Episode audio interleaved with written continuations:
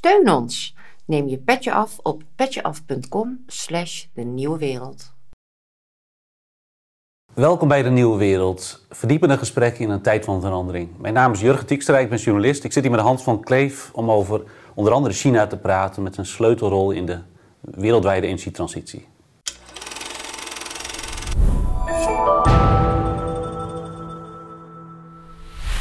Hans van Kleef, eh, fijn dat je er bent. Dank. Leuk dat je komt aangeschoven. Je bent uh, energie-expert, jarenlang bij ABN AMRO gewerkt. Nu bij het adviesbureau Publieke Zaken. Klopt. Je adviseert bedrijven. Ja. En wat, ja, kun je iets vertellen over je werk, om jezelf te introduceren? Zeker. Um, inderdaad, 23 jaar op, op één maand na bij ABN AMRO gewerkt. Uh, in verschillende rollen, maar zeker de laatste jaren als, als expert op uh, financiële markten en, en, met name ingezoomd op energiemarkten. Uh, daarbij was mijn belangrijkste klant natuurlijk de bank zelf, ABN AMRO. Ja. Um, heel veel intern, maar ook voor onze klanten waren we aan het werk. Uh, en sinds begin dit jaar ben ik voor uh, adviesbureau Publieke Zaken gaan werken. Um, daar heb ik een afdeling opgericht wat zich richt op ja, energie-research. dus wat ik eigenlijk doe met mijn afdeling is het kijken naar wat gebeurt er op de energiemarkten de grondstofgerelateerde markten. Uh, dus denk aan, aan niet alleen olie en gas, maar ook elektriciteit en CO2-prijzen. Um, wat we daar doen voor onze klanten is het duiden van wat gebeurt er nu, uh, wat verwachten we voor de komende maanden, jaren uh, en hoe verhoudt zich dat tot de energietransitie. Wereldwijd. Wereldwijd, ja. ja. Het is een wereldwijde markt. Ja, want daar wil ik het graag met jou over hebben. Want we kunnen, ik wil niet meer staren in onze eigen navel als Nederland, maar kijken uh, ja, waar, maken, waar zijn we onderdeel van als Nederland. Gelukkig zou ik haar zeggen. En ja, en, uh, we zijn, nou ja, wil ik het deels ook over China hebben, want ja, wat daar gebeurt, dat is bepalend lijkt me. Hè? Want in Nederland, hoeveel CO2-uitstoot is dat van het geheel? Nou, dat werd laatst in de Tweede Kamer besproken, 0,0003 nog wat. Uh, ja, dat ging over een soort aanvullend dus pakket dat Rob Jetten, de minister, precies. had. Maar uiteindelijk, als je kijkt naar Europa, is de CO2-uitstoot... want ik vind Nederland is, is zelfs nog veel kleiner... maar als Europa stoten we ongeveer 7% uit uh, wereldwijd. Ja, als je naar China kijkt, dat is een kleine 30%. Uh, dus uh, ja, alles wat we in Europa doen is, is zeker nodig. Maar uh, het, is wel een, een, klein onderdeeltje van het totale plaatje. En daarom ben ik ook blij met dit gesprek. Omdat we in Nederland natuurlijk heel vaak het debat hebben over wat gebeurt er in Nederland. En het moet meer en sneller. maar we vergeten wel eens waarom we het doen. en dat is ook wat ik bij, bij de mensen in mijn team vaak aankaart. Van zoom uit. Van waarom hebben we überhaupt klimaatbeleid? Waarom willen we die CO2-uitstoot omlaag brengen? En hebben die uh, maatregelen die we dus willen uh, invoeren, hebben die ook echt dat effect? Of ja. verschuift het alleen maar? Ja, wat ik zal, uh, ook nog aan zat te denken is, dus in 2015 hebben we het Parijsakkoord afgesloten met een hele grote doelen naar 2050 toe. En um, uh, dus dan is ieder land voor zich, die, die levert dan zijn, uh, zijn, zijn doelen in, zijn nationale contributies, zijn NDC's geloof ik heet dat. En er is heel binnenkort weer ja, in, uh, in de Verenigde Arabische Emiraten weer een klimaat... Ja, november, eind november is COP28, dus een klimaattop. Ja. Ja, waarbij de doelen verder bekeken worden, aangescherpt worden. En, ja, en dus, dus nu Wopke Hoekstra die Frans Timmermans vervangt, die gaat naar de onderhandelingstafel en ze gaan daar praten over de financiering en zo. Ja. En de inzet van de Europese Unie. Maar wat ik zat te denken, uh, uh, als de top drie van de uitstoters in de wereld is één, nu China met 30 procent. Dan de Verenigde Staten met, nou, dan moet ik even opzoeken, de helft daarvan geloof ik. Zoiets, ja. En als derde uh, India. Ja. En dan heb je ook twee enorm grote landen. Dus China met 1,4 miljard inwoners, India met 1,3 miljard en Amerika een miljard minder met 330 miljoen inwoners. Ja. Dan zou je ook als wereld kunnen denken van als we nou met, gaan richten op die drie landen uh, en, en daar de winst gaan pakken. Want ja. ook China is de groot, en India zijn de grote CO2-uitstoters, of de stijging die zit daar. De ja, ja, daar zitten natuurlijk een paar, paar, paar haken ogen aan. Hè. Je, je hebt sowieso, uh, kun je zeggen, oké, okay, de, de, de grootste CO2-uitstoot tot nu toe hebben we gezien in, in de westerse wereld. Uh, dus we hebben ook een verplichting om voorop te lopen in het verlagen van die CO2-uitstoot. Uh, maar eens, zeker China, die is nu bij far de grootste CO2-uitstoter, maar India die komt er heel snel aan. en die, die gaat daar misschien straks wel overheen. China en India geven ook aan van ja, wij willen wel die CO2-uitstoot beperken. Maar geef ons langer de tijd. Dus CO2-neutraal voor China wordt verwacht ergens 2060. Dus tien jaar later dan, dan hier in Europa. en waar we eigenlijk met z'n allen op mikken. Ehm, en ja, daar valt natuurlijk ook wel iets voor te zeggen. Van ja, hoe eerlijk is het dat zij nu al op de rem moeten trappen. Terwijl, uh, ja, even platgeslagen, wij het flink verpest hebben daarvoor. Ja, dus die industriële revolutie die begon in, in Groot-Brittannië in de 18e eeuw, in Nederland eind 19e eeuw. En, en, en, ja, vanaf die tijd wordt het ook al gerekend eigenlijk. Hè? Ja. Dus het tijdperk van de CO2-uitstoot. En als je dus kijkt naar die, de, even wat basale cijfers van het internationaal agent, energieagentschap. Dan kijken ze, hebben ze bij elke, elke land hebben ze wat statistieken. En dan zie je inderdaad van de VS en Europa die dalen langzaam al, al jaren met CO2-uitstoot. Maar sinds 1990 heeft India of stoot het meer, 291% meer CO2 uit. Dus het is een verdrievoudiging van de CO2-uitstoot. Ja. En ik, ik, las erg dat ook elk jaar komen er nog wat, uh, eh, 5 miljoen mensen die op elektriciteit worden aangesloten in India. Dus er is ook een enorme energiegroei daar. Hè? Ja. En, en, en uh, dus we hebben het over India, zeg ik het goed? Ja, dat klopt. En China, die, die is China, een viervoudiging, viervoudiging bijna ja. sinds 1990. Ja, nee, dat, uh, de, de, de, de populatie groeit, de energiebehoefte groeit. Um, ik bedoel, dat, dat, dat gaat gepaard met het willen van meer welvaart. Uh, of het krijgen van meer welvaart. Uh, en, en ja, dat, dat, dat, zien we dus terug in deze cijfers. En op zich is het dus knap ook om te zien dat we in de VS en hier in Europa echt die loskoppeling wel inmiddels zien tussen economische groei aan de ene kant en toch een CO2-daling aan de andere kant. Dus uh, die loskoppeling is er wel, gaat volgens sommigen niet snel genoeg, maar daar zit, zien we echt wel verbetering. Dus meer energie-efficiëntie, andere manier van uh, ja, gebruik van energie. Maar ja, in, in, dit soort landen is de, de behoefte van energie zo groot en de groei of de vraag naar energie is zo groot. Ja, dat gaat gepaard met meer CO2-uitstoot. En. Het is ook echt voor de laatste decennia. He, dus echt, ja. echt een heel kortdurende periode eigenlijk dat ze zo extreem in de lift zitten. Dat heeft ook natuurlijk heel veel welvaart gebracht in die landen. Ja, en gelukkig ehm, zie je dat zij natuurlijk ook vol inzetten op hernieuwbare energie. Uh, hoewel kolen nog steeds bijvoorbeeld het grootste eh, onderdeel is in de energiemix van, van China. Wat ook niet zo gek is, want we hebben zelf heel veel kolen. Dus uh, het is altijd lastiger om ja, afhankelijk te worden van een energiebron die je zelf niet hebt. Iets wat eigenlijk het grootste probleem voor Europa is, want we hebben zelf niet zoveel meer. En dat wat we hebben, willen we niet. Um, ja, aan steenkool, dus onze steenkoolcentrales die worden nu gesloten. Uh, olie, uh, ja eigenlijk de, Europa heeft zelf weinig uh, van die grondstoffen. We hebben natuurlijk Noorwegen en, en, op de Noordzee het een en ander. maar ja, bijvoorbeeld is natuurlijk Groningen. we hebben nog een enorme hoeveelheid gas in de grond van Groningen zitten. Maar om hele duidelijke en begrijpelijke redenen willen we dat niet meer uit de grond halen. Maar dat betekent wel dat je dus afhankelijker wordt van import van andere landen. En dat is iets waar China heel erg uh, ja, waakzaam voor is. Zij zijn ook heel erg afhankelijk van import, maar hebben zelf ook heel veel energiebronnen die zij ook uh, zullen ja. gebruiken. Want even, even, als we even naar China gaan, want ik, ik, las ook nog dus dat die sector, of dat de, of de steenkoolverbranding in China is eigenlijk de, de grootste bron voor de hele wereld. Ja. Qua CO2-uitstoot. Dus als, als daar een verandering in plaatsvindt, dat ja. is gigantisch.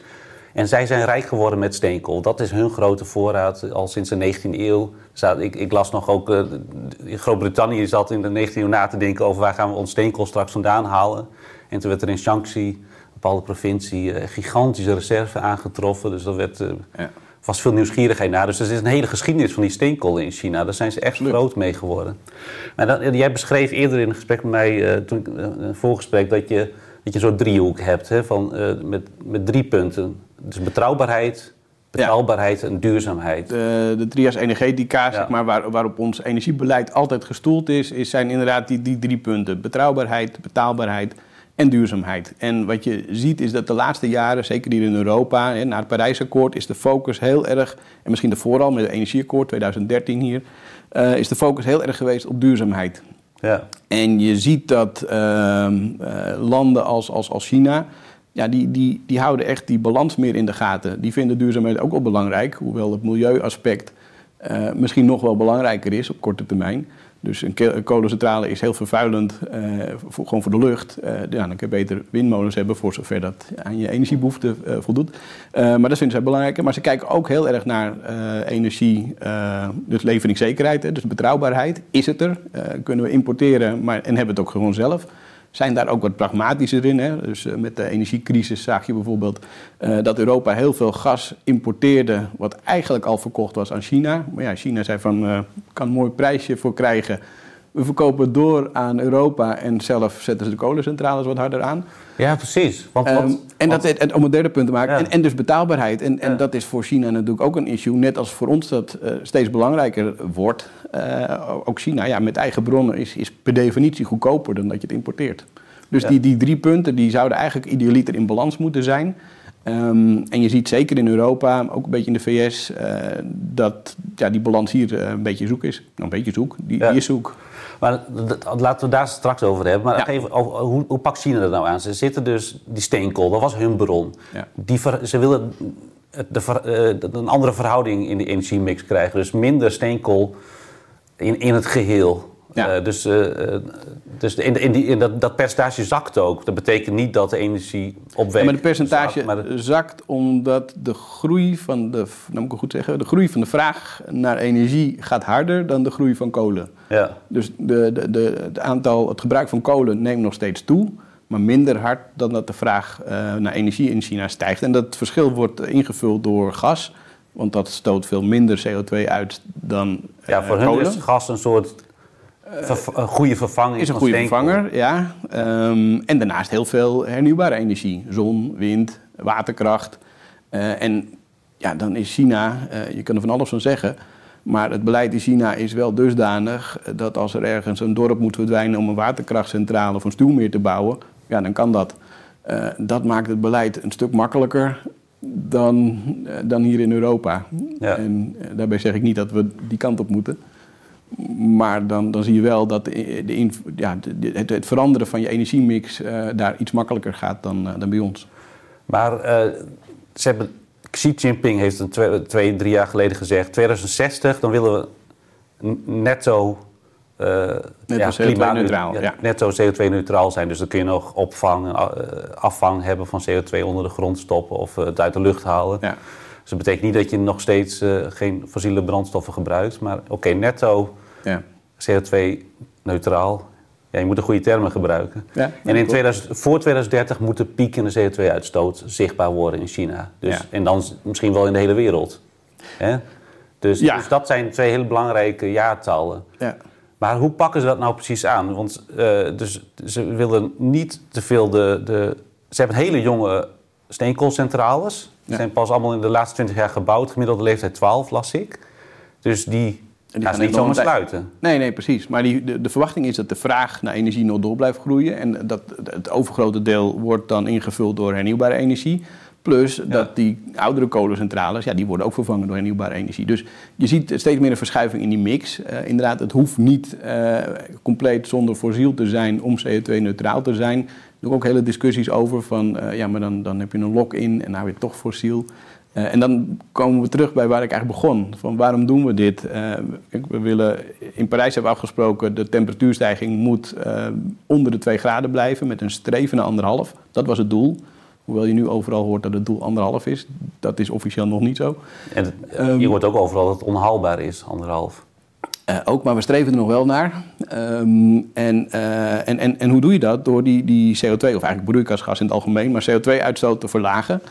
Um, ja, als je het dan op kan slaan onder de grond, dan, dan is die CO2 ook uh, niet in de lucht. Dus in die zin draagt het bij. Ik kan van alles ja. vinden, maar tot nu toe um, wordt dat gezien als, als, als, een of een oplossingen die ook in China mogelijk gebruikt kan worden. Ja, ja precies. Maar dus, dus ze willen dus niet. Ja, ze bouwen nog wel steenkolencentrales bij. Ja. Maar uh, uh, die zijn misschien efficiënter en ze willen daar niet alleen op mikken. Dus ze gaan ook veel meer olie importeren. Of tenminste, dat doen ze ook al, hè? maar dat is natuurlijk ze niet... produceren zelf een beetje olie, maar ze importeren heel veel. Zijn de grote ja, maar dat zijn ze ook meer gaan doen. of, ja, maar ja, ze, ze, ze rijden meer. Ja. Deels elektrisch, maar ook een deel niet. en in de chemische industrie, ze hebben een enorme chemische industrie... gebruiken ze natuurlijk ook heel veel olie. Bedoel, olie wordt, en gas trouwens ook, maar olie wordt niet alleen gebruikt voor transport, maar een flink deel daarvan gaat ook in de industrie. En dat, dat zien we terug in, in plastic, kleding, asfalt, nou, noem alles op. Ja. Allerlei producten die we ook gebruiken, um, maar niet per se in de brand steken. Maar heeft China daar ook een plan voor om van de olie af te komen? Nou, niet, niet heel, heel duidelijk. Nee. Volgens mij, voor zover ik dat zie. Uh, ik was toevallig een beetje aan het spitten in, in wat rapporten met, met een lange termijn outlook, outlook voor olie. Uh, en dan zie je dat het Internationaal Energieagentschap bijvoorbeeld, nou, je noemde het net al, uh, die komen binnenkort met een nieuwe World Energy Outlook. En eigenlijk gaf Fatih Birol, de directeur, al aan, ja, ze verwachten toch een piek in de vraag naar olie voor 2030. Wat eigenlijk gezien de klimaatdoelen ook nodig zou zijn. Ja. Maar als je dan uh, de Energy Information Administration, zeg maar het IEA uit Amerika, en de OPEC beluistert, ja, die zien de olievraag, die op dit moment ruim 100 miljoen vaten per dag is, stijgen tot 116 miljoen vaten per dag in 2045.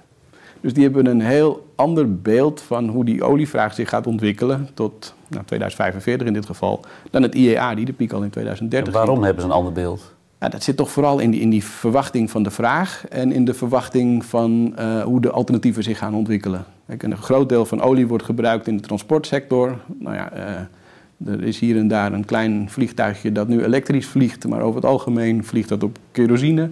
Uh, het wegvervoer, we zien steeds meer elektrische auto's. Maar ik was uh, onlangs in Italië.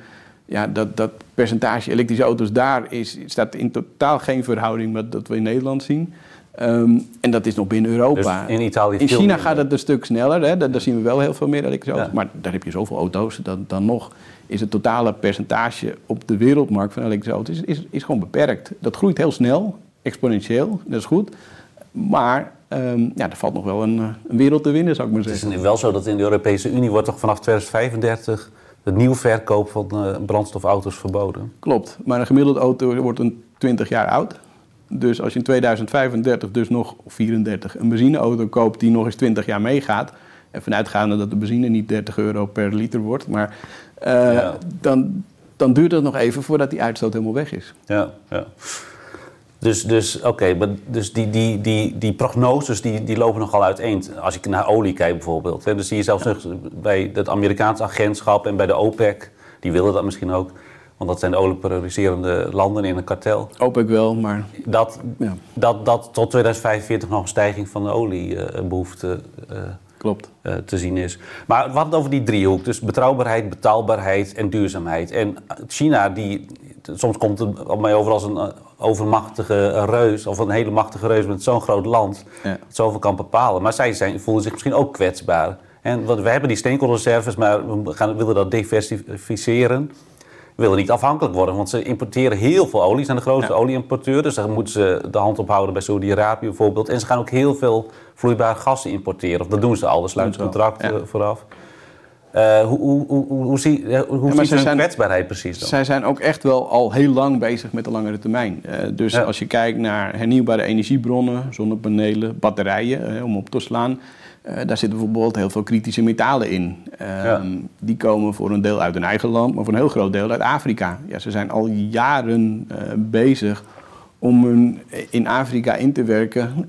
om, om, om die aanvoer van die, die grondstoffen eh, veilig te stellen. En hoe werken ze zich in? Dat, je, dat ze gewoon...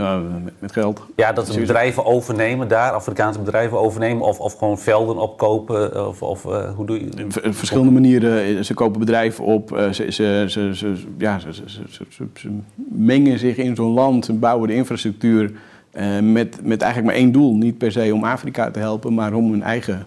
Uh, uh, grondstoffenvoorzieningen, uh, om in hun eigen grondstoffenvoorzieningen te, te kunnen. Uh, ja. hoe zeg je dat? Dus gewoon in ieder geval, ja, gewoon om, of zelfvoorzienend te zijn, of niet ja. afhankelijk worden van andere. Precies, en andere, daar zijn ze dus echt al, al heel lang mee bezig. Ja. op gebied van olie of gas, maar ook dus al met, met ja, kritische metalen voor die, die hernieuwbare energiebronnen. En dat is een, een, een manier van denken, van strategie, van je leveringszekerheid op orde krijgen ja, die wij hier in Europa echt compleet hebben laten schieten, denk ik, de afgelopen jaren. Ja, maar dat snap ik dus ook niet helemaal. In die zin van, even, uh, vanuit de leunstoel. ja, jij weet het misschien beter, maar vanuit de leunstoel gedacht van... Uh, China is al twintig jaar bezig om dat veilig te stellen. Ze hebben daar een beleid voor gevormd voor de kritische metalen. Nu, de Europese Unie die heeft ook kritische metalenlijsten gevormd van hier zijn we afhankelijk, daar zijn we afhankelijk. En van die raffinage en zo uh, is, is, en, en ook de batterijproductie is China gewoon een grootmeester. Terwijl we, terwijl, dat is het economische verhaal, maar tegelijkertijd ben je ook als, als vriend van Amerika gewoon bezig in een geopolitiek verhaal waarin je ook uh, vijandigheden hebt of zo. Je vertrouwt China niet helemaal, je hebt andere politieke belangen, je vertrouwt Rusland niet helemaal. Dus als je aansluit bij de Amerikaanse uh, geopolitiek, dan weet je dat je ook kwetsbaar maakt. Of, of snap je wat ik bedoel? Ja, dat, is, dat je, vind ik niet zelf... naïef moet zijn in het economische verhaal, want dat verknoopt zich helemaal. Ja, precies. En dat, dat, dat vind ik zelf het frustrerende eraan. Dat, dat we dit natuurlijk al jarenlang zagen aankomen. Dat China een hele belangrijke rol speelt. Dat die heel druk is in Afrika. En, en, en dat hebben we gewoon compleet genegeerd. Europa heeft daar helemaal niets mee gedaan. Uh, en, en waar wij... Uh, maar waarom is dat? Ja, zeggen, we vonden het niet belangrijk, denk ik. We waren bezig met onze eigen doelen. Vaak korte termijn focus. Niet die die focus op, op lange strategische, uh, een, een, een, lange strategische blik op hoe zorg je dat je, je leveringszekerheid op orde is. Maar meer kijken, ja, hoe, uh, hoe krijg ik uh, zetels in de volgende verkiezing of zo? Ik ja. zeg het eens. Het is ook wel zo geweest dat, dat Europa en ook de VS geloof ik al meerdere keren naar de Wereldhandelsorganisaties gestapt, geloof ik. Hè, om, om, om aan te vechten. De details weet ik niet precies. Dat, dat China daar beperkingen aan oplegt aan hun grondstoffenbeleid en aan de kritische ja. metalenbeleid. Dus zij, zij, misschien dat de Europa hoopt op de vrije handel. Dat daar geen. Ja, maar dan ben je dan blijkbaar wel wat naïef in om dan toch niet ook voor jezelf het een en ander uh, te regelen. En, we willen zelf natuurlijk ook niet, uh, ook, uh, we zullen hier ook het een en ander in, in de bodem bezitten. en in de VS natuurlijk ook. Nou ja, voor schalie, gas zien we in de VS dat daar wat pragmatischer mee omgaan dan wij hier in Europa, in Nederland. Um, ja, want schaliegas en, en olie is hier nooit echt toegestaan. Nee, dat, Daar is wel een debat over geweest. Groot-Brittannië een klein beetje, maar de Verenigde Staten heeft dat hun eigenlijk weer energie onafhankelijk gemaakt. Uh, tien jaar geleden ongeveer. Absoluut. Ja, die, die, die hebben zoiets van ja, ook, ook hun energiebehoefte is heel groot. Um, en die hebben gewoon fors geïnvesteerd in, in, uh, in het winnen van, van schaliegas. En dat is een beetje wat, wat, frustrerende ja. nu dat je ziet dat we hebben Rusland door sancties eigenlijk uh, buitenspel gezet. Um, en uh, om onze, aan onze gasvraag te voldoen, importeren we nu heel veel LNG, lees schaliegas, uit, uit de VS. Uh, en dan staat, uh, staat, staat de minister bij de, bij, bij de, in Rotterdam of bij de Eemshaven te, te, te, juichen van...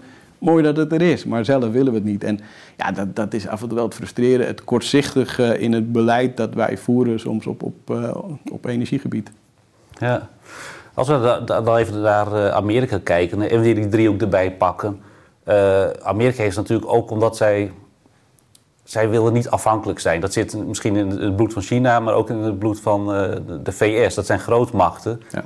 Die willen, die, die, het is alleen hun, al hun eer te na om afhankelijk te worden. Dus die energieafhankelijkheid en veiligheid is daar altijd al cruciaal geweest. Ja, maar onafhankelijk zijn zij ook niet. Uh, netto misschien wel, als je kijkt hoeveel olie ze verbruiken en olie winnen het scheelt dan niet heel veel. Alleen dan moet je kijken naar type olie. Zij, zij winnen een, een licht type olie. Ze importeren juist zwaardere olie. Onder andere ook uit het Midden-Oosten.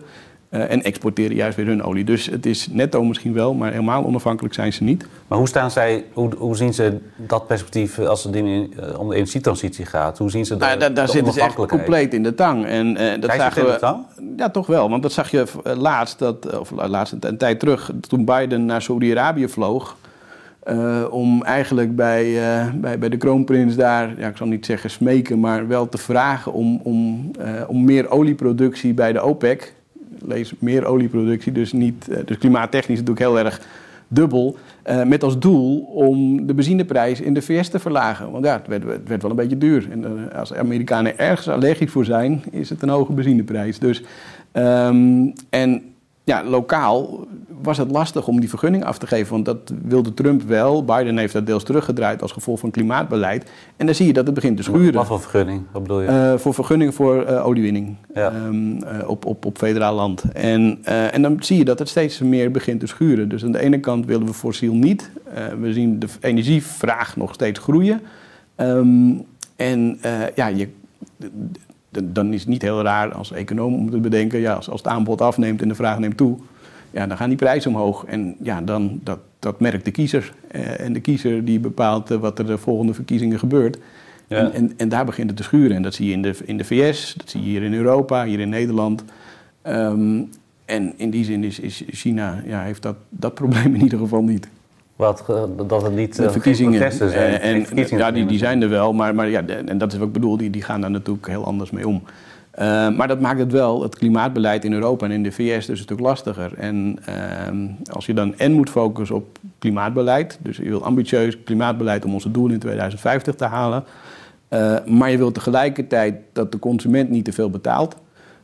En je wil ook nog eens leveringszekerheid op orde. Ja, dat, dat kan niet. Je kan niet, um, je kan niet aan, aan, aan één iets trekken en geen effect verwachten op de andere pilaren. Ja, want is de, is de energietransitie dus dat je duurzame energie opwekt en, en, en de, die samenleving elektrificeert, staat dat echt op gespannen voet met uh, leveringszekerheid, per definitie? Um, niet per definitie. Uh, dat heeft vooral met tempo te maken. Uh, als jij, um, krijg je een beetje het verhaal van, van oude schoenen weggooien terwijl je nog een nieuwe hebt. Op het moment dat we zeggen we willen naar een, een, een economie die meer draait op elektriciteit, ja, dan moet je zon, wind bouwen. Je moet je elektriciteitsnet op orde hebben. Nou, we hebben afgelopen week in het nieuws volop gezien dat dat niet, in, niet het geval is. Um, en dat moet je doen voordat je het oude afschaft. Want ja, dan zorg je dat je, je leveringszekerheid op orde is en dus je prijs laag. Op het moment dat je zegt van we willen uh, kolencentrales sluiten, Frankrijk sluit kerncentrales, uh, dan, dan, krijg je druk op de mix. We bouwen wel zon en wind, maar dat gaat in een langzamer tempo. Het gaat wel snel, maar langzamer dan dat we het afschalen. Terwijl die energievraag groeit, ja, dan, dan is, lijkt het mij heel logisch dat die prijs omhoog gaat. En dan krijg je dus dat, uh, dat, dat we een compensatieregeling krijgen om huishoudens te compenseren als het duur wordt. Dat de, de accijns op de benzine verlaagd moet worden. En noem alles op. Uh, ja. Omdat dat dus op gespannen voet met elkaar staat. Ja. Ja. Dus het, het, het, het kan heel goed naast elkaar, maar het zit hem in tempo. En het een gaat te snel ten opzichte van het ander. Ja. Ja. Of het ander gaat te langzaam ten opzichte van het een. Het is men natuurlijk bekijkt. Ja. En uh, nou, als we nog even naar, ook naar India kijken, ik bedoel, uh, of even, want het is een land met 1,3 miljard inwoners. Ja. En uh, dat zich enorm heeft ontwikkeld. En ik begrijp ook dat, die, de, dat India op termijn het, het bevolkingsrijkste land van de wereld gaat worden, omdat China demografisch heel erg naar beneden gaat zakken. Ja. dus zij hebben een, een deadline op 2070 gesteld. Hè, dat ja, dat, is zo, dat is nog zo ver weg. Je weet helemaal niet. Is dat een, uh, geloofwaardige uitspraak? Ja, wat kun jij erover zeggen? Ja, niks. En wat moet daar? Uh, niks. Nee, nou, zover. Kijk, ja, je, je, zet een doel. En, en wat je hoopt, en ik denk dat als je kijkt naar waar kan Europa een rol in spelen, is, is in, in technologische ontwikkeling, in kennis, in opbouw, in, ja. in doorontwikkelen. En Um, kijk, uh, India, net als China trouwens, die hoeven natuurlijk niet te beginnen waar wij in 1900 begonnen. Dus die, die starten op, op, op waar we nu zijn met de huidige technologie, die veel schoner is dan toen. Ja. Um, dus die hoeven niet die hele curve door die, die wij hebben doorgemaakt, gelukkig. Uh, en door technologische ontwikkelingen en, en, en energie-efficiëntie uh, en, en, noem al dat soort dingen op, zal hun energie. Um, mix zeg maar, duurzamer zijn dan ja. per definitie dan dat wij die hadden of hebben. Ja, maar die stroombehoefte, of de energiebehoefte, ja, absoluut. groeit gigantisch. Hè? Ja, en, en dan hebben we het over China en India. Dan, dan uh, ja, heel Afrika, moet, nou niet heel Afrika, maar een groot deel van Afrika moet nog beginnen. Hè. En dat staat vaak in de World Energy Outlook ook. Die, die geven altijd aan hoeveel miljoen, honderden miljoenen en, en, soms tegen een miljard, miljoen, uh, miljard mensen aan wereldwijd die überhaupt nog geen toegang hebben tot elektriciteit en dat wel willen. Hoeveel? Die, um, oh. Sorry? Hoeveel hebben geen, nog geen toegang tot elektriciteit? Uh, volgens mij was het in het vorige World Energy Outlook was het iets van 880 miljoen mensen. Um, die, die überhaupt nog op hout stoken, nog geen elektriciteit hebben. En ja, als je ervan uitgaat dat dat eigenlijk ook is wat we willen. Ja. De, eh, plus dat onze wereldbevolking sowieso gaat groeien naar 9, 10 miljard mensen, zeg het eens. Um, het zou nog, ja, wat, het jaartal dat ik in mijn hoofd heb is 2056, dat dan de piek is. En uh, dan langzaam een beetje weer terug gaat groeien. Qua wereldpopulatie. Ja, ja nou, maar dat betekent maar ook, maar zien natuurlijk hoe dat, dat onze energiebehoefte, hopelijk een stuk efficiënter dan nu, maar die, die, die zal in ieder geval niet dalen. Nee. Dus, uh, en laten we hopen dat er niet te veel stijgt. Maar er zijn dus heel veel mensen die dat ook nog moeten hebben. Moet ook ingevuld worden. Duurzaam met alle gevolgen van dien. En, ja. Uh, dus ja, om dan te zeggen 2060, 2070, dat is zo ver weg. Uh, we zien uh, in de energietransitie dat, um, dat, dat, dat, dat het traag gaat. Hè. Als, je, als je kijkt naar zo'n mooi plaatje van Our World in, in Data, dan zie je de energiemix vanaf, wat is het, 1900 tot nu. En dan zie je biofuel en dan komt kolen op en dan komt olie op en dan gas. En nu zie je onderin een beetje hernieuwbare energie opkomen. Ja, normaal zijn dat trajecten van, van 20, 30, 40 jaar voordat het groeit en, en weer wat afneemt. Ja, nu willen we dat sneller. Uh, maar het is ja, niet heel realistisch om te denken dat, dat we over vijf jaar geen fossiele brandstoffen meer nodig hebben. Nee. Um, en, uh, en, en laten we hopen dat door die ontwikkelingen en door het bewustzijn uh, van het gebruik van fossiele brandstoffen en wat dat betekent voor klimaatverandering, dat die transitie deze keer sneller gaat dan de vorige keren. Ja. Maar... Heb je enige weet van dat bijvoorbeeld zo'n land als India, dat zo belangrijk is? Wat, hoe het zich daar ontwikkelt? Of, of, of daar internationale uh, kennishulp is bijvoorbeeld? om, om, om gewoon dat land bij te staan in, in, in die begrijpelijke worsteling om en welvaarder te worden, de armoede uit te wissen. En, uh, en, en toch die uitstoot een beetje in de. In nou ja, goed, als je, als je kijkt naar, naar uh, de, de, afspraken die we in Parijs hebben gemaakt, is dat er heel veel geld vrijgemaakt moet worden door, uh, door de westerse landen om uh, opkomende landen, waaronder India, financieel te steunen. Um, dus in die zin worden, worden ze, ik moet eerlijk zeggen, dat budget is elk jaar nog niet rondgekomen. Dus, maar de intentie is er in ieder geval om ze financieel te steunen en qua kennis natuurlijk. Uh, en uiteindelijk zijn er ook hele slimme mensen zelf daar, dus uh, die hebben niet alleen onze hulp nodig. Nee, nee, nee. Um, maar omdat het voor iedereen belangrijk is wat daar gebeurt. Precies. En, en uh, het is een gigantische uitdaging, dan kunnen wij wel makkelijk ja. Misschien hier, nou ja, we kunnen hier makkelijke beslissingen nemen en denken van we zijn de wereld hier aan het redden in Nederland. Nee, maar, maar, uiteindelijk... Daar is al de hulp uh, wensen, ja. Ja, maar wat je ook natuurlijk ziet is... Kijk, wij hebben heel veel van onze CO2-uitstoot geëxporteerd. Ja. Uh, door heel veel processen vanuit Europa te exporteren naar, naar Azië, India, China...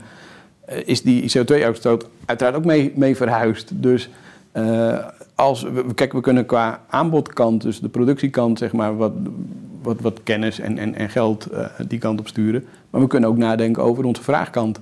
Uh, ja, als we allemaal goedkope troep bestellen um, en dat laten we daar produceren, is misschien uh, ook niet heel duurzaam. En, en daar kan je natuurlijk een effect mee ja, bewerkstelligen op, op, op, op de CO2-uitstoot. Ja, ja. Dat is misschien een oproep voor elke individu, maar dan denk je toch, ja, wat, wat, wat zet dat voor zoden aan de dijk? Nou ja, als je het met z'n allen doet, dan zet er heel veel zoden aan de dijk. Ja. ja. En ja, dat, dat is altijd een beetje lastiger. Waar, wie begint en waar begin je dan? Ja. Maar we, het doel van dit gesprek is dus ook om, om, weg, om, om breder te kijken dan breder, alleen, ja. alleen, Nederland. En, uh, is het dus ook zo, als je dus niet alleen naar Nederland kijkt, als Nederlandse beleidsmaker, maar kijkt van dit is een, een mondiale uitdaging die, die we aan, aan, willen pakken, dat je dan her en der een ander beleid zou voeren. Want je kunt naar je eigen cijfertjes kijken, bij, bij wijze van spreken, en er wordt niet in meegenomen wat, wat, je indirect veroorzaakt in China, omdat je daar allemaal dingen laat produceren. Nee.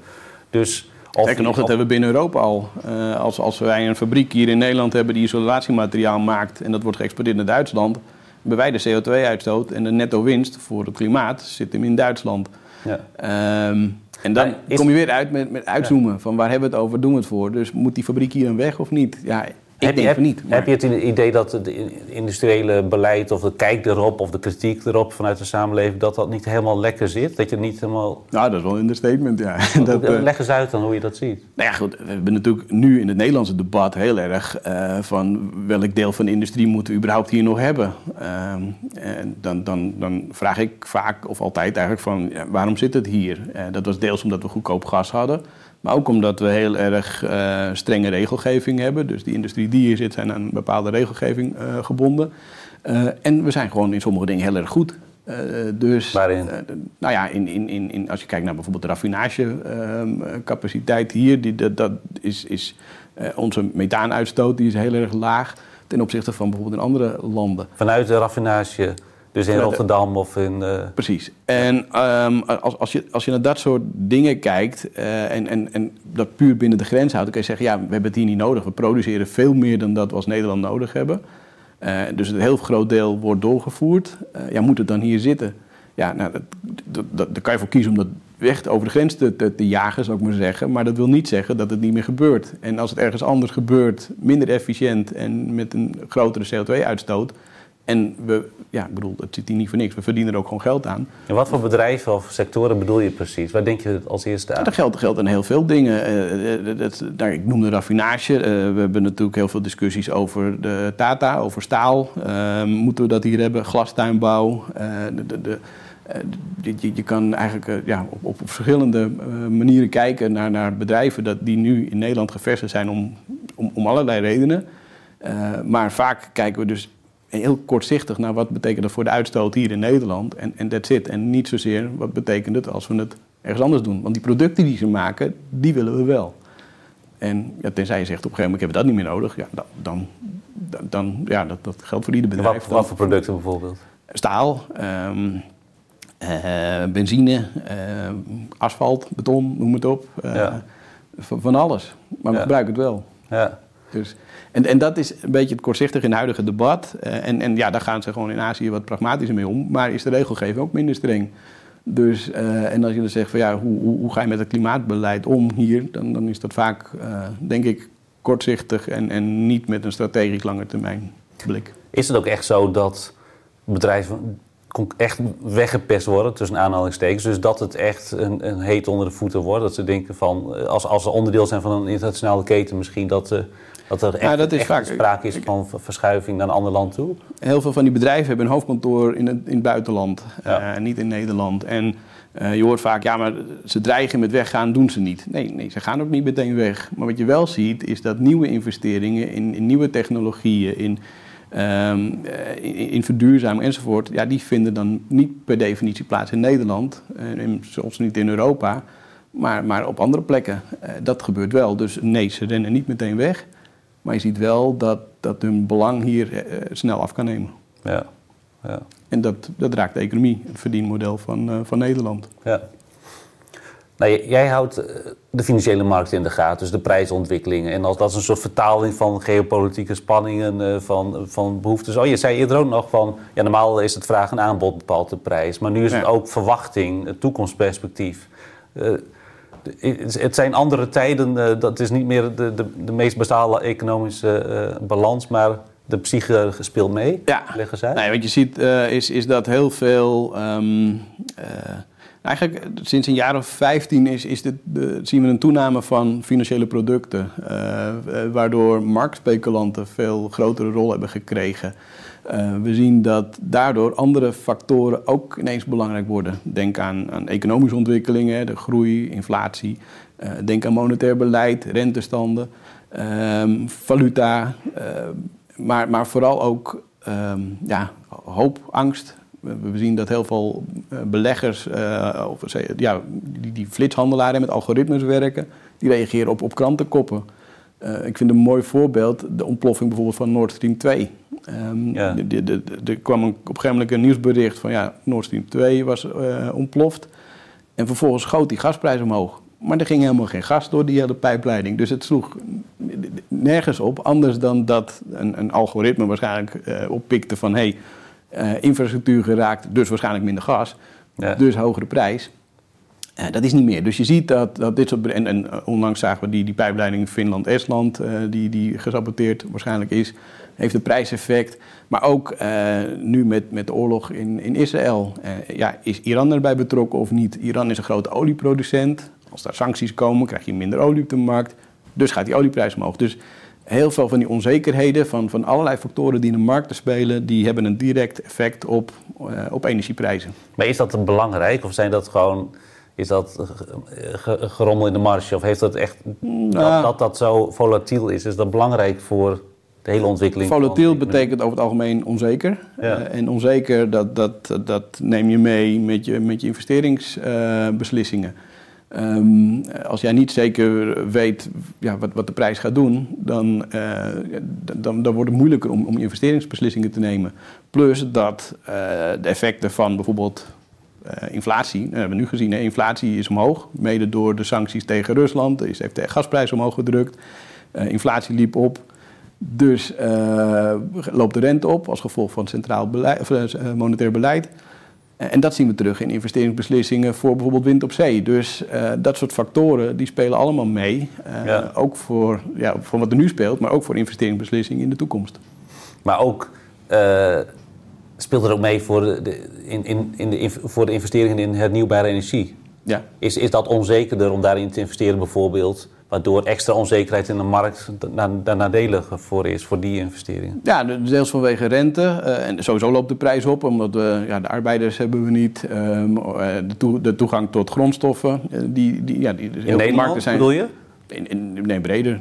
Europa, de, de westerse wereld. Um, als, als de toegang tot die grondstoffen, ja, die grondstoffen zijn schaars, dus dan lopen de prijzen op.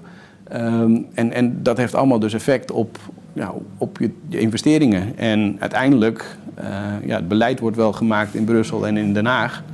Uh, of in Washington. Uh, maar uiteindelijk zijn het bedrijven die, um, die die investeringen moeten doen. En dat zijn geen sociale instellingen. Dus onderaan de streep moet het wel uit kunnen. Maar er wordt toch altijd gezegd van de, de prijs van zonne-energie die daalt steeds maar door en uh, de hele gunstige prijsontwikkelingen. Ja, dat Is dat niet zo simpel? Uh, nee, nee, maar dat klopt wel. Uh, uiteindelijk, de, de, panelen worden steeds efficiënter. en, en je ziet ook dat als, het, als de zon schijnt... en we hebben natuurlijk nu behoorlijk wat panelen liggen in Nederland... ja, dan zijn die prijzen nul of zelfs soms negatief. Uh, maar gemiddeld genomen kan dat natuurlijk niet. Voor wind hetzelfde. Uh, wind neemt toe, dus je ziet dat die prijzen dalen. Maar de investeringskosten lopen juist op. Dus, en dat, dat begint nu een beetje te schuren. Dat ja, dus investeringskosten niet meer opwegen tegen wat je dan terugverdient. Ja. En dat is wat ik bedoel. Het zijn commerciële bedrijven. Ja, te lage energieprijzen is helemaal niet zo gunstig. Nee, te hoog niet. Uh, maar te laag ook niet. Nee. Maar dus de, de, de, de, investeringskosten lopen op vanwege personeelskosten, materiaalkosten. En, en rente. Ook, en rente. En dat geldt ook voor zonneweiders eh, en zonnepanelen. Dat geldt ook voor allerlei soorten gasopslag. Ik bedoel eh, CO2-afvang en opslag bedoel ik. Ja. Ja, ja. Dus, dus de, de, de, de, maar dit is misschien voor alles. Ook voor olie, investeren in olie en gas, aardgas. ja, daar hebben we een extra moeilijkheid. Omdat je normaal gesproken ja. Uh, ja. met hoge olie- en gasprijzen zou je gaan investeren in nieuwe olie en gas. Uh, ja. Maar dat willen we niet. Ja. Uh, vanwege de transitie. En, en dat begint nu dus, uh, daar te schuren. Dat, en dat zie ik ook wel als een van de grote risico's. Ja, dat we straks nog wel een, nou, als het, uh, de, de OPEC en het EIA, dus de, de, Amerikaanse tak, gelijk krijgen en die vraag naar olie blijft groeien. Ja, dat, dan, dan, dat, dat gaat helemaal scheef lopen. Omdat de investeringen die, die, blijven achter, nu al. Je ziet de, maar wereldwijd of door Europese bedrijven? Met name de internationale eh, beursgenoteerde bedrijven die door aandeelhouders gedwongen worden om niet meer te investeren. Een deel kan overgenomen worden door de nationale oliemaatschappijen. Dus denk aan de, de Saudi Aramco's en de Petrobrassen van deze wereld. Dat van Venezuela? Uh, ook, maar ja, goed, die, die, die, die lopen wel heel wat jaren achter. Uh, oh, Petrobras is Brazilië? Dat is Brazilië. Ja, ja, sorry, ja. Nee, Venezuela is uh, PDVSA, heet dat geloof ik. Um, ja. Maar die, die, die, ja, ook zij kunnen nu weer wat gaan investeren nu de sancties daar verlicht worden. Maar dat duurt natuurlijk jaren voordat dat weer op, op gang komt. Maar je ziet wel dat dat scheef gaat lopen. En dat bedoelde ik net met um, dus dat de prijs timing. We, we, willen dus van fossiel af. Uh, dat, die druk staat echt flink op de ketel. Maar je ziet de problemen bij de opbouw van hernieuwbare energie, ja, die, die nemen eerder toe dan dat ze afnemen. Dus de politieke steun is er wel, maar het economische plaatje rekent nog steeds niet altijd rond. En dat kan je deels opvangen door CO2-beprijzing. Uh, dat je zegt van ja, we maken fossiel minder interessant en daardoor wordt duurzaam interessanter. Maar daarmee los je niet het probleem op van, ja, van, van, van de technologische mogelijkheden. Uh, sommige dingen kunnen gewoon niet sneller. En je, dus, dus dan zit er, als je naar de driehoek kijkt, druk op die betaalbaarheid. Dus ook op de draagvlak in landen. En met, er komen altijd nieuwe verkiezingen aan. Uh, en dat is meteen ook het grootste risico. Uh, het energiebeleid wordt bepaald door de politiek. Maar doordat er nieuwe verkiezingen aankomen, is er ook meteen een rem in diezelfde politiek. Want ja, uh, te, te, te, te, strak beleid, ja, dat, dat kan je wel eens kiezers kosten. Ja. Je had nog even over marktspeculanten. Dat, wat is, dat, is dat een mysterieuze, mysterieuze groep? Nee, niet per se mysterieus. Uh, malafide figuren? Of, uh, nee, wat, natuurlijk niet. Wat zijn marktspeculanten? Nou, die zou je misschien ook hebben. Maar nee, eigenlijk twee, twee, club, twee, twee, verschillende... De, je hebt zeg maar hedgefondsen, pensioenfondsen. Um, dus pensioenfondsen die gewoon ja, een hele bulk geld hebben en dat ergens beleggen. Dus die zie je op de markt. En je ziet meer particuliere beleggers en, en echt ja, speculanten die puur geld willen verdienen. Dat deed je vroeger op de aandelenmarkt, de obligatiemarkt. Spaarrentes deden de laatste tijd niet zoveel. Um, maar die mikken, zich ook, uh, die mikken ook op bijvoorbeeld de grondstoffenmarkt. Het is een beetje een niche, kleinere markt, grotere bewegingen. Uh, maar dat betekent dat, als, ja, dat, dat, die volumes in die handel is, is zijn gewoon enorm toegenomen. Dus marktspeculant is niet direct een negatieve term? Nee, sterker nog, uh, nee, nee, zeker niet. Uh, ik denk dat het een heel belangrijke uh, groep is die, die handelt in dit soort contracten. En dat zorgt gewoon voor extra liquiditeit. En dat maakt dat jij als producent of als consument altijd op die markt terecht kan. Want er zijn altijd kopers en verkopers. Okay. Um, maar met als nadeel ja, dat je soms prijsbewegingen krijgt die niet altijd even rationeel zijn. Ja, precies. Maar je hebt wel uh, investeringskapitaal kun je ophalen op de aandelenmarkt. Ja. Door ook deze groep uh, precies. speculanten. Ja. Mooi, hè? Dus uh, ja, om, om, misschien even om af te ronden, denk ik. we zitten met z'n allen op één planeet. En Europa heeft, heeft, maar 7, 8 procent van de CO2-uitstoot op dit moment. En die, en die is aan het dalen. Dus we zijn afhankelijk... Nou, jij, jij, jij ziet wat scheef, scheefheid in, in die driehoek van betrouwbaarheid, betaalbaarheid, duurzaamheid... En bovendien, het investeren in, in hernieuwbare energie wordt moeilijker. En uh, er wordt niet zoveel geïnvesteerd in olie meer. Dus de prijzen, uh, ja. dat, dat, daar heb je zorgen over hoe zich dat ontwikkelt. Dus het draagvlak en hoe snel het kan gaan. En uiteindelijk hoe het in, in India en China gaat, dat is dus ook eigenlijk nog heel onzeker. Of vooral misschien is... Ja, van India weten we niet, of weet ik niet zoveel. Van China weet je iets meer. Maar ja. Is dat ook een soort, vooral India ook een soort uh, een black box? Hoe dat ja, zich gaat black box, je weet wel ongeveer welke kant het op zal gaan. En, en in die zin denk ik dat China een mooie leidraad is en, en, en richtinggevend is, ook voor India. Maar dan nog weer efficiënter, nog weer sneller, nog weer beter. Uh, maar dat geeft ook wel aan dat er echt nog wel heel veel moet gebeuren.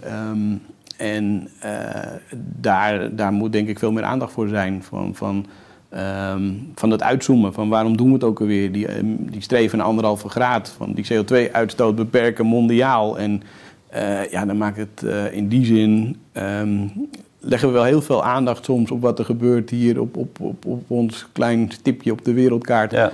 Uh, en, en vergeten we soms het grotere plaatje. En ik denk dat dat misschien. Ik, ik hoop dat dat voor de komende klimaattop, die overigens geleid wordt door een, een, een olieminister uit het Midden-Oosten. Dus misschien dat dat al, al iets, iets meer nuance brengt. Um, waarbij ook mensen zeggen dat dat juist heel verkeerd is. Want dat zou misschien de boel te veel remmen. Uh, maar, maar dat in ieder geval dat grotere plaatje zeg maar, meer, ja. meer in beeld komt. En dat we ja, met z'n allen meer gaan nastreven. Waar, waar we eigenlijk dit überhaupt voor begonnen zijn. En als het, het is nu 2023. Als we in 2040 hier weer zouden zitten, over 17 jaar.